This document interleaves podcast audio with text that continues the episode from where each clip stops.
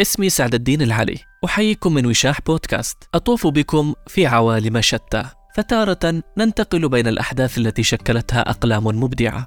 وتارة أحكي لكم قصصا من تجاربي الشخصية. وأخرى آخذكم برحلة ماتعة في أرجاء روائع الأدب. أعرج معكم على محطات شتى. نطوف في فضاءاتها. وننهل من ثقافاتها. ونستجلي عجائب أسرارها. كتاب الرجال من المريخ والنساء من الزهرة للكاتب الدكتور جون جراي.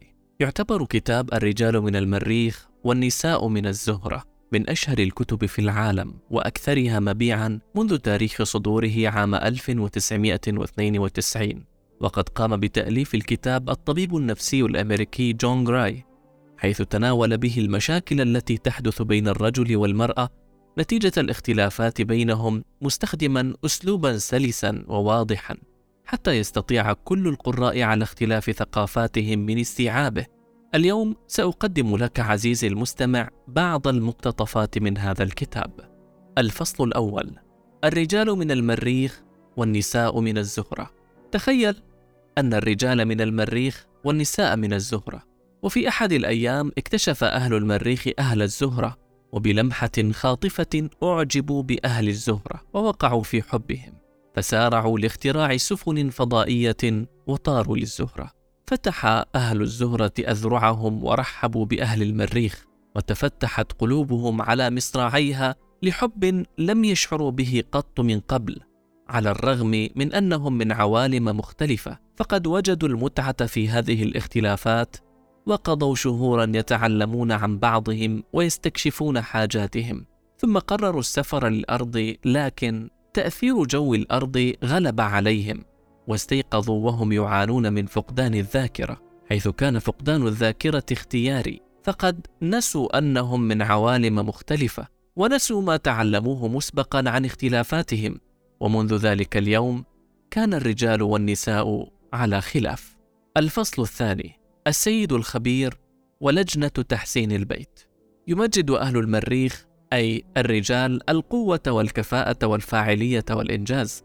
إنهم دائما يعملون أشياء ليبرهنوا عن أنفسهم وليطوروا مهاراتهم وليطوروا مهارات القوة لديهم ويحددوا مفهوم الذات لديهم بواسطة قدرتهم على تحقيق النتائج.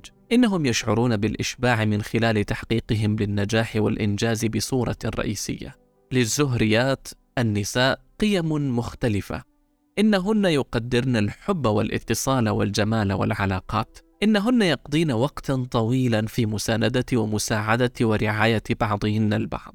إن فكرتهن عن أنفسهن تحدد عن طريق مشاعرهن ونوعية علاقاتهن. إنهن يشعرن بالإشباع بالمشاركة والتواصل. إن أحد أعظم الفروق بين الرجال والنساء هي طريقة تعايشهم مع الضغوط يصبح الرجال أكثر تركيزا وانسحابا بينما النساء مثقلات مشوشات عاطفية. في هذه الأوقات تكون حاجات الرجال للشعور بتحسن مختلفة عن حاجات النساء، فهو يشعر بتحسن عن طريق حل المشكلات بينما تشعر هي بتحسن عن طريق التحدث عن المشكلات وعدم فهم وقبول الاختلافات.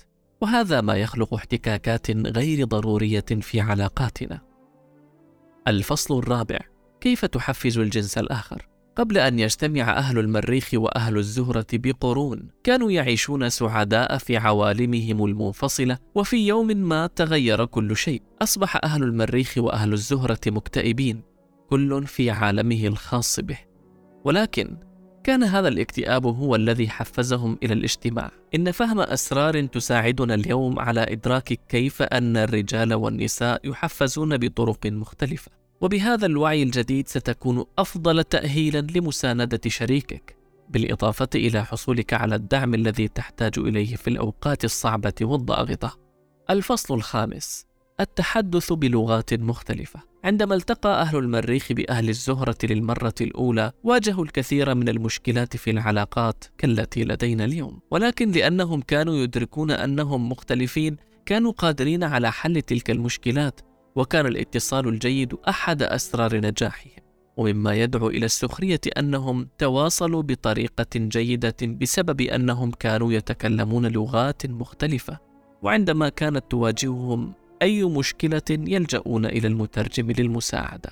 الفصل السادس الرجال مثل الأحزمة المطاطية. الرجال مثل الأحزمة المطاطية عندما ينسحبون يستطيعون الابتعاد بمقدار بسيط فقط قبل أن يرتدوا للخلف إن الحزام المطاطي هو المجاز المثالي لفهم دورة المحبة الذكرية.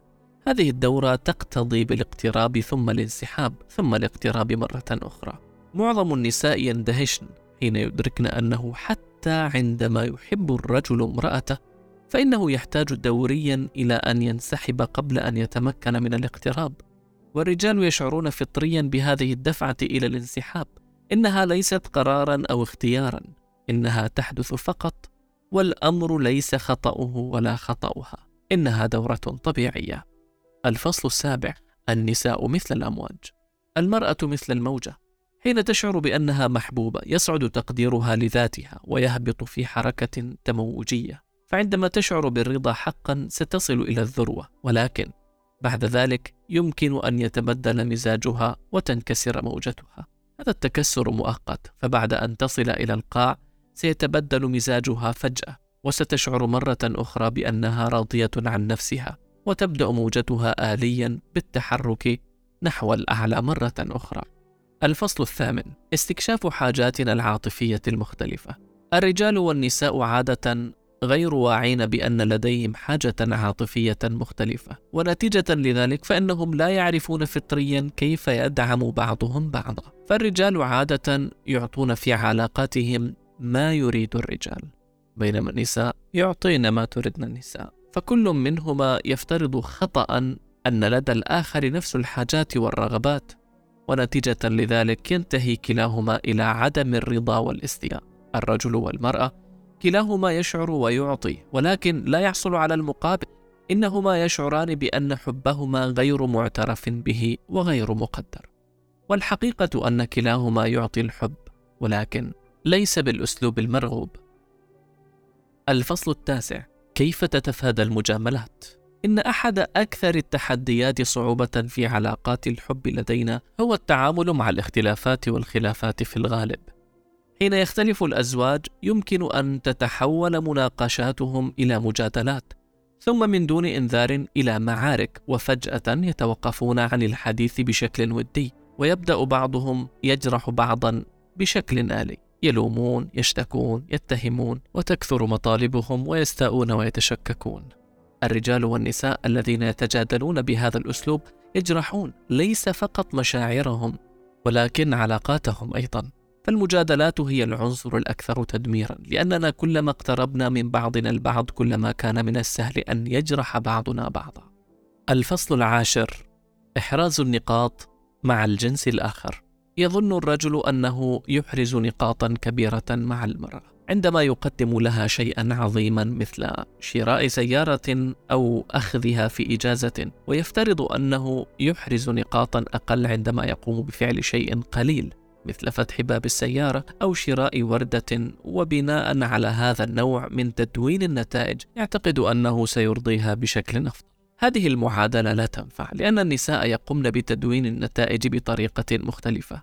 عندما تدون المرأة النتيجة مهما يكون كبر أو صغر حجم هدية الحب فهي تساوي نقطة واحدة لكل هدية صغيرة وثلاثين للهدية الكبيرة.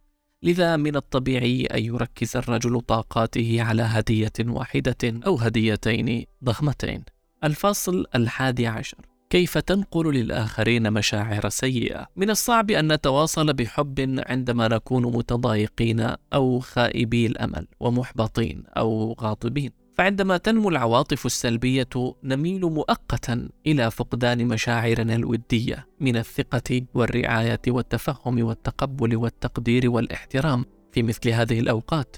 حتى مع أفضل النيات يتحول الحديث إلى مشاجرة.